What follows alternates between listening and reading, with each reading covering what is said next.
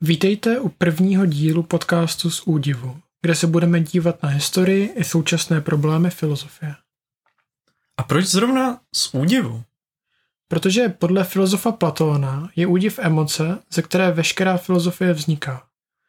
Když se věcem divíme, tak nad nimi začínáme uvažovat. Nebereme je jako jasné, předem dané a nespochybnitelné. Bez údivu člověk nikdy filozofovat nezačne. Filozofie je celá ohledání odpovědí na tyto předměty údivu. No a náš podcast o filozofii tedy vyvěrá Z údivu. Já jsem Hubert. A já jsem Sebastian. Dnešním předmětem údivu bude hedonismus.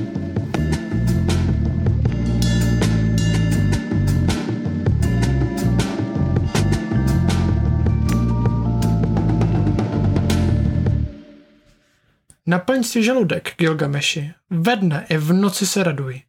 Denně pořádej slavnosti, tancuj a vesel se. Ve dne i v noci. Neb toto je údělem lidstva. To jsou slova božské šenkýřky Sidury z eposu o Gilgamešovi, starém 3 až 4 tisíce let. A protože nejstarší přeživší literatura je zároveň první zmínkou o hedonismu, měli bychom náš údiv nasměřovat právě k němu. Hedonismus. Co to je ten hedonismus? Co se ti s hedonismem spojuje? Kdo je pro tebe hedonista? Spojuje se mi to s požitkářstvím. Hedonista je člověk hledající zábavu a prožitek. A taky promiskutní chování. Pak mě napadnou substance jako alkohol nebo drogy. To je, řekl bych, taková klasika. Jako hedonistu si člověk představí někoho, kdo hledá chvilkové štěstí. To je, řekl bych, taková klasika. Jako hedonistu si člověk představí někoho, kdo hledá chvilkové štěstí. Ono samo to slovo hedonismus vychází z řeckého slova hedoné, což znamená v angličtině pleasure a v češtině požitek. A tohle i odpovídá Gilgamešovému denně pořádej slavnosti? Přesně tak. Hledání chvilkového štěstí nebo slasti tak můžeme nazvat klasickým hedonismem. I když teda v akademické sféře nic jako klasický hedonismus neexistuje, my tak budeme nazývat to, co většina lidí pod tímto pojmem vnímá. Tak tedy klasický hedonismus, který se táhne celou lidskou historií, říká, štěstí je jediná věc, kterou lze pokládat za dobrou samu o sobě. A tak bychom měli štěstí a slast vyhledávat. Ostatní věci jsou buď dobré jako způsob, jak se dostat ke štěstí, nebo jsou špatné. Takže jídlo není dobré samo o sobě, ale pouze jako prostředek ke štěstí. Chutné jídlo je příjemné a tím nás dělá šťastnými. Proto můžeme říct, že jídlo je dobré. Jo, Zároveň ale hedonista tak trochu kašle na všechno kromě svého štěstí. to je pravda. Nazvat někoho hedonistou má trochu pejorativní konotaci. I ty hedonisto řekneme někomu, kdo akorát hasí choutky na dobré jídlo a pití. Místo studia flámuje a nikdy nepohrdne dobrým jídlem a pitím, i když zrovna nemá hlad nebo žízeň. Hedonismus si tak klasicky spojujeme s věcmi, které nás rychle udělají šťastnými, nehledně na jiné lidi. Proto ten alkohol. Ale stejným způsobem lze nahlížet na sex nebo sladkosti. Cílem klasického hedonisty by mohlo být zažívat pocit orgazmu, alkoholového opojení a rozplývání belgické čokolády na jazyku pořád, bez jediného vytrhnutí z této slastné reality. Takže si máme užít co nejvíc to jde. A co po nás? Po nás potopa. Takže nějací filozofové celý život usilovně přemýšleli, aby přišli s něčím takovým, to mi zrovna geniální nepřijde. Takhle přece přemýšlejí děti. Ládovat se celý den jen čokoládou a koukat se na telku. Snad nepotřebuji být filozof, abych věděl, že když se budu pořád jen ládovat čokoládou a čumět na televizi, permanentní štěstí mi to úplně nepřinese. Spíš cukrovku a pocit nesmyslnosti. Máš pravdu. Hedonismus je složitější než hledej slast. To, co se nelíbí tobě, už kritizoval Epikuros v antickém Řecku. Co přesně vadí Epikorovi na klasickém hedonismu? Epikuros by považoval klasický hedonismus za příliš přímočarý a vlastně neschopný dosáhnout ideálu štěstí. Epikuros sám je taky hedonista, protože pro něj není nic důležitějšího než slast a štěstí. Jenže přístup, kterým štěstí chce dosáhnout, se dost liší od klasického hedonismu. Jak už si zmínil s tou čokoládou, když podle klasického hedonismu hledáme vždy co nejvíc štěstí co nejrychleji, většinou to dopadne špatně. Asi každý ví, že i když nám je po jednom pivu fajn, po deseti nám není nutně desetkrát líp. Naopak. Epikuros tenhle vztah víc nerovná se šťastnější viděl všude. Proto je v centru jeho hedonismu spíše absence utrpení než hledání stále většího štěstí. Epikuros varuje, že hedonisté ve svém pronásledování slastí často narazí na dvě překážky. Buď přijde exces. Moc alkoholu nepovede k mnoho štěstí, ale ke kocovině, závislosti a cirhóze jater. Nebo se nám nedostává slasti tam, kde máme velká očekávání. Protože ne vždy můžeme mít vše, co chceme. A jsou to právě nenaplněná očekávání, která nám kazí radost nad tím, co máme. Takže podle Epikura to nemáme přehánět s pivem, jako ostatně i se vším dalším. Obecně nemám mít přehnaná očekávání. A co teda mám chtít, abych byl šťastný? Protože Epikuros je hedonista, jde mu přece o štěstí. Epikuros naše touhy rozděluje na tři úrovně. První jsou nutné věci, jídlo a střecha nad hlavou. Druhá úroveň jsou tyhle nutné věci, ale v jejich fajnovější podobě. Třeba drahá kuchyně, anebo dům ala podnikatelské baroko. A třetí jsou marnivé touhy, jako sláva, moc nebo bohatství. Takže v první úrovni začneme s bytem. V druhé úrovni bydlíme v domu. A nakonec ve třetí úrovni žijeme v paláci. To zní čím dál tím líp? No, a to právě nemá. Epikurova filozofie klade důraz jen na tu první úroveň tužeb. Jídlo a střechu nad hlavou, zdraví a další elementární potřeby. Protože když tyhle věci máš a chceš jejich lepší verzi, čili tu druhou úroveň tužeb, dostaneš se do bludného kruhu, kdy jsi nešťastný, když zrovna tyhle věci nemáš, což je často. A když přijdou, radost tě moc dlouho nevydrží.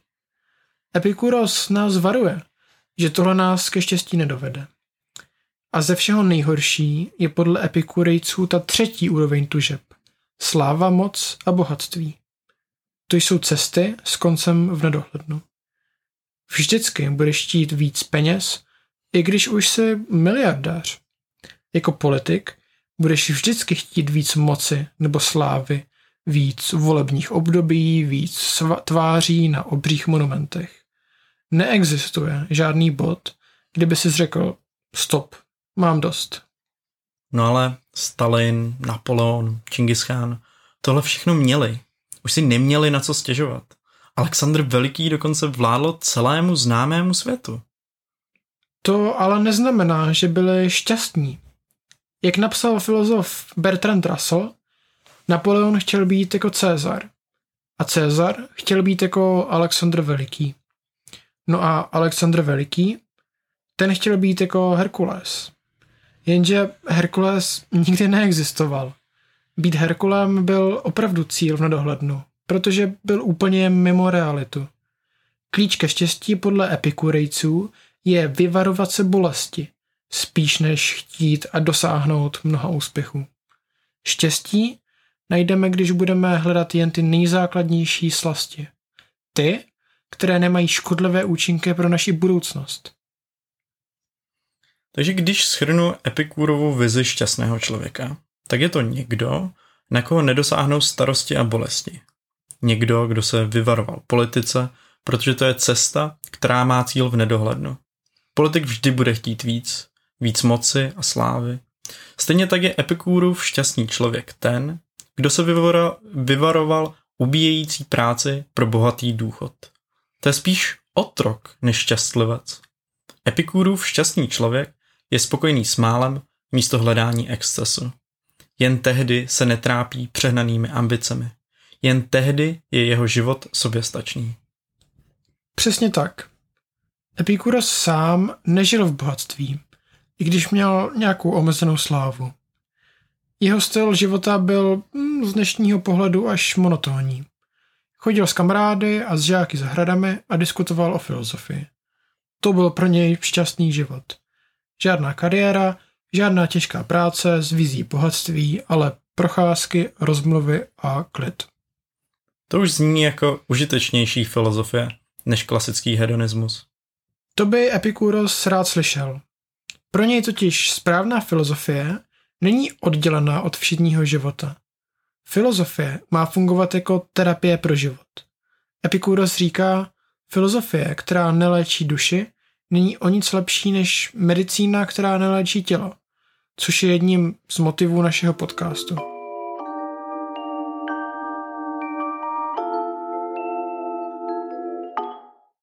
Jak je to s hedonismem dnes? Myslíš, že jsme hedonisté? Rozhodně některé aspekty tu jsou. Alkohol stále pijeme, ale vedle láhve hledáme slast na internetu. Bingeujeme Netflix, scrollujeme Facebook, Instagram a TikTok. Hodně se toho změnilo, ale hedonismus zůstává. Alkohol sice furt chlastáme, ale vedle toho kouříme marihuanu a v Americe řádí opioidová krize. Alkohol jsme nenahradili, naopak. Rozšířili jsme arzenál podobných chvilkově příjemných substancí. A co sex? Ten je přece taky hedonistická zábava. Chvilkové orgasmické opojení. Požitek par excellence. Alkohol jsme sice rozšířili o jiné drogy, ale statistiky ukazují, že sexu máme čím dál méně. Dnešní generace mladých dospělých má jako první v historii méně pohlavního styku než generace před ní. Proč nemáme čím dál víc sexu, stejně jako se objevují čím dál lepší drogy? Sex je určitým způsobem výjimka. Nahradili jsme ho totiž pornografií. Zatímco naši rodiče a prarodiče a vlastně všechny generace před námi museli překonávat překážky, aby naplnili své hříšné chtíče. My pouze otevřeme internet a chtíč si uhasíme videem. Pornografie není jen pohádkou, je to chvilkové štěstí, ke kterému mnozí z nás odbíhají. Vedle pornografie máme další zábavy na internetu. Třeba největší žrou času, Netflix, na kterém je pravidelně nejsledovanějším počinem lehká, někdy trošku stupidní komedie. Ale co je na tom špatného? My samozřejmě víme, že se díváme na stupidní komedii. To není žádná novinka. No jasně. Mimochodem, za mě rozhodně vítězí v posledních letech Rick and Morty. Já vím, že Rick and Morty je hloupost, ale je to vtipná hloupost. Dokážu se u ní velmi jednoduše uvolnit, vím, že se zasměju a vím, že ten seriál skončí dobře. Protože jeho tvůrci vědí, že já se na ten seriál dívám, abych byl šťastný. Oni mi nechtějí sebrat můj hedonismus, teda pokud jim já za moje chvilkové štěstí zaplatím. Netflix mi nabízí rychlou, připravenou radost. Když chci, tak dokážu být teď hned trochu šťastný. Ale Netflixem to nekončí. Jak příjemné a jednoduché je si koupit nové triko, nové kalhoty, nový telefon, auto nebo pohovku.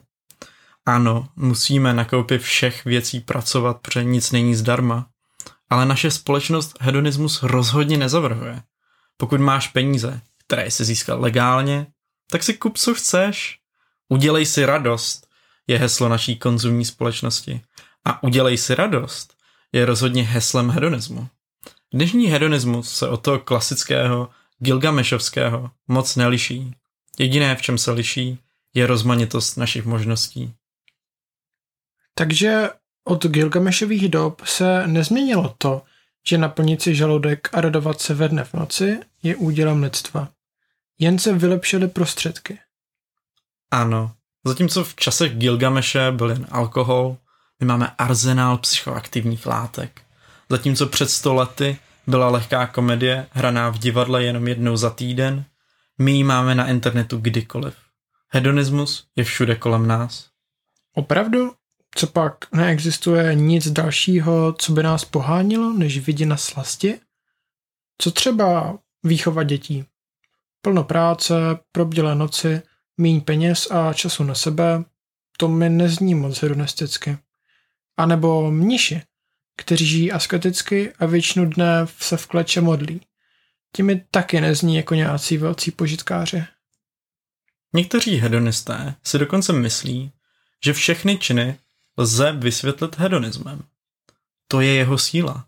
Hedonismus nevysvětluje jen naše nízké touhy po rychlém štěstí, ale i ty, které bychom nazvali vysokými. Ne Netflix, ale i opera nás uspokojuje. Nejen pornografie, ale i Shakespeareova romantická dramata. Hedonismem lze vysvětlit i ty věci, které nás stojí úsilí a práci. Tříhodinová opera, 12-hodinová pracovní směna nebo třeba maraton. Podle některých hedonistů je všechno hedonismem. Jak může být všechno hedonismem? Doteď jsme pořád mluvili o jídle, alkoholu a sexu.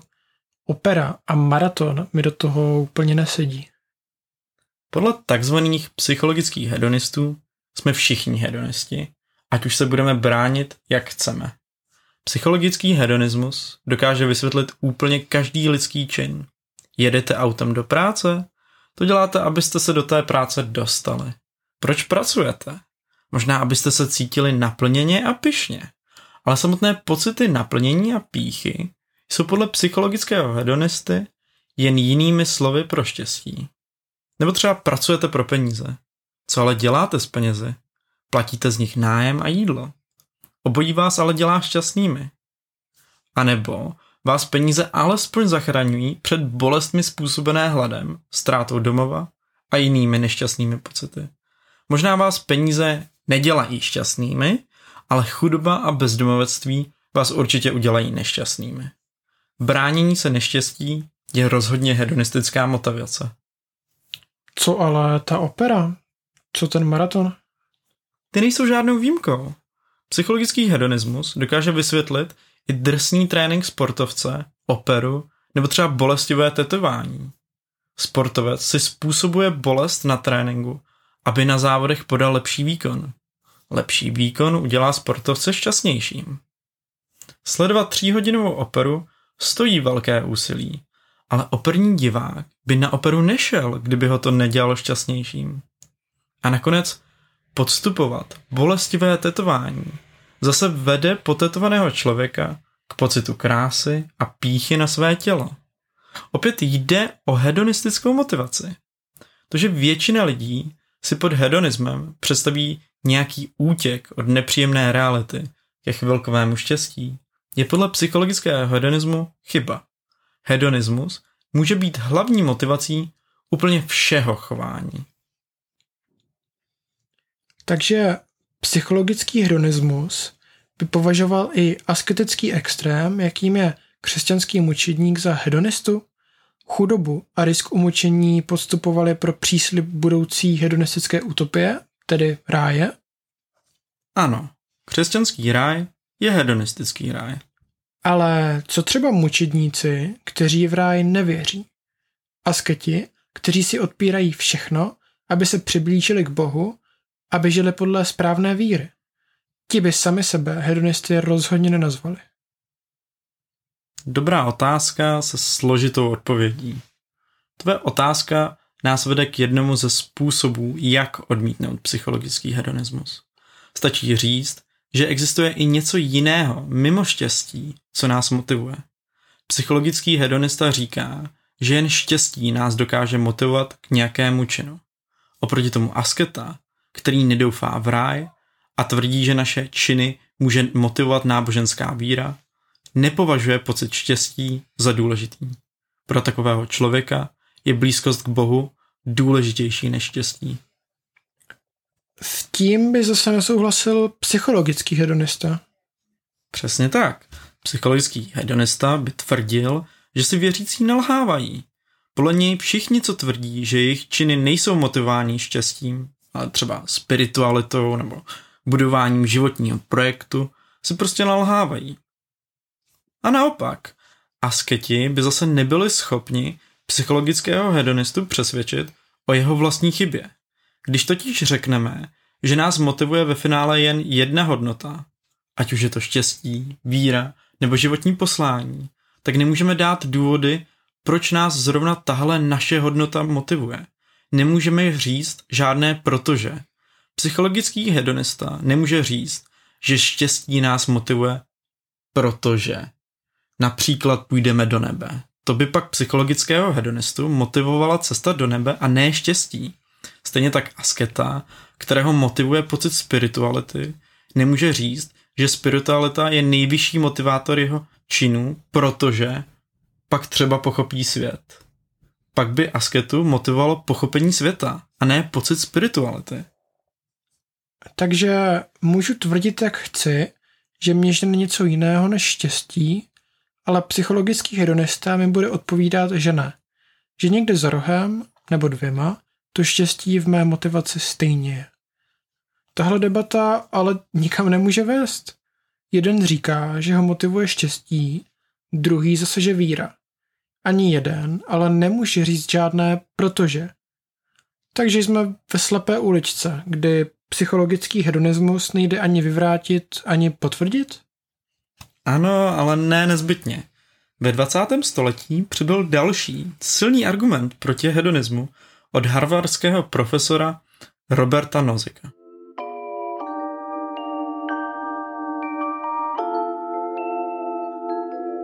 Představ si, že za tebou přijde vědec, který ti nabídne následující možnost. Budeš připojený do přístroje, který simuluje realitu, podobně jako v Matrixu. V tomhle přístroji si můžeš prožít jakýkoliv život budeš chtít. A jestli tě přestane bavit, zkusíš další. Třeba si můžeš stát největší rokovou hvězdou, geniálním spisovatelem, kterého zná celý svět, nejrychlejším běžcem a nebo astronautem. V tomhle nazikovém Matrixu nebudeš vědět, že nežiješ svůj původní život, že jsi jen v nějaké virtuální realitě. Všechno by se prožíval stejně jako v reálném světě. A taky budeš připojený na zbytek svého života. A otázka je, souhlasil bys? Připojil by ses? Zkuste si podcast zastavit a zamyslet se, jak byste odpověděli vy. Zanechali byste svůj opravdový život pro ty nejpříjemnější, nejepečtější zážitky, které mohou existovat? Jste ti, co odpověděli ano? Jste lidé, kteří by radši žili život Paris Hilton, Napoleona nebo Volta Whitmana, spíš než ten svůj? Pokud jste odpověděli ano, tak jste hedonisté. Záleží vám pouze na tom, co prožijete. Jen na pocitu prožitku.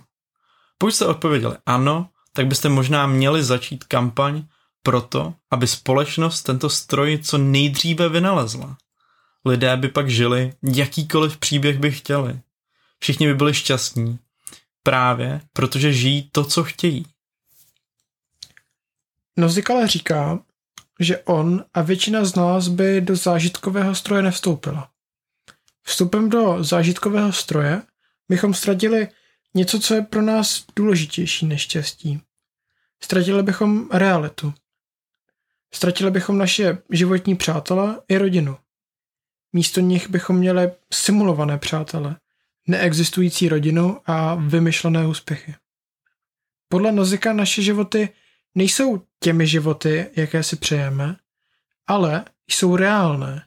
A to je důležitější, než to, jestli jsou naše životy příjemné. Podle Nozika je štěstí důležité, ale není důležitější než náš opravdový život. Než naše lásky, naše přátelství, než naše profesní úspěchy, jakkoliv nedokonalé. To vše bychom vstupem do zážitkového stroje ztratili.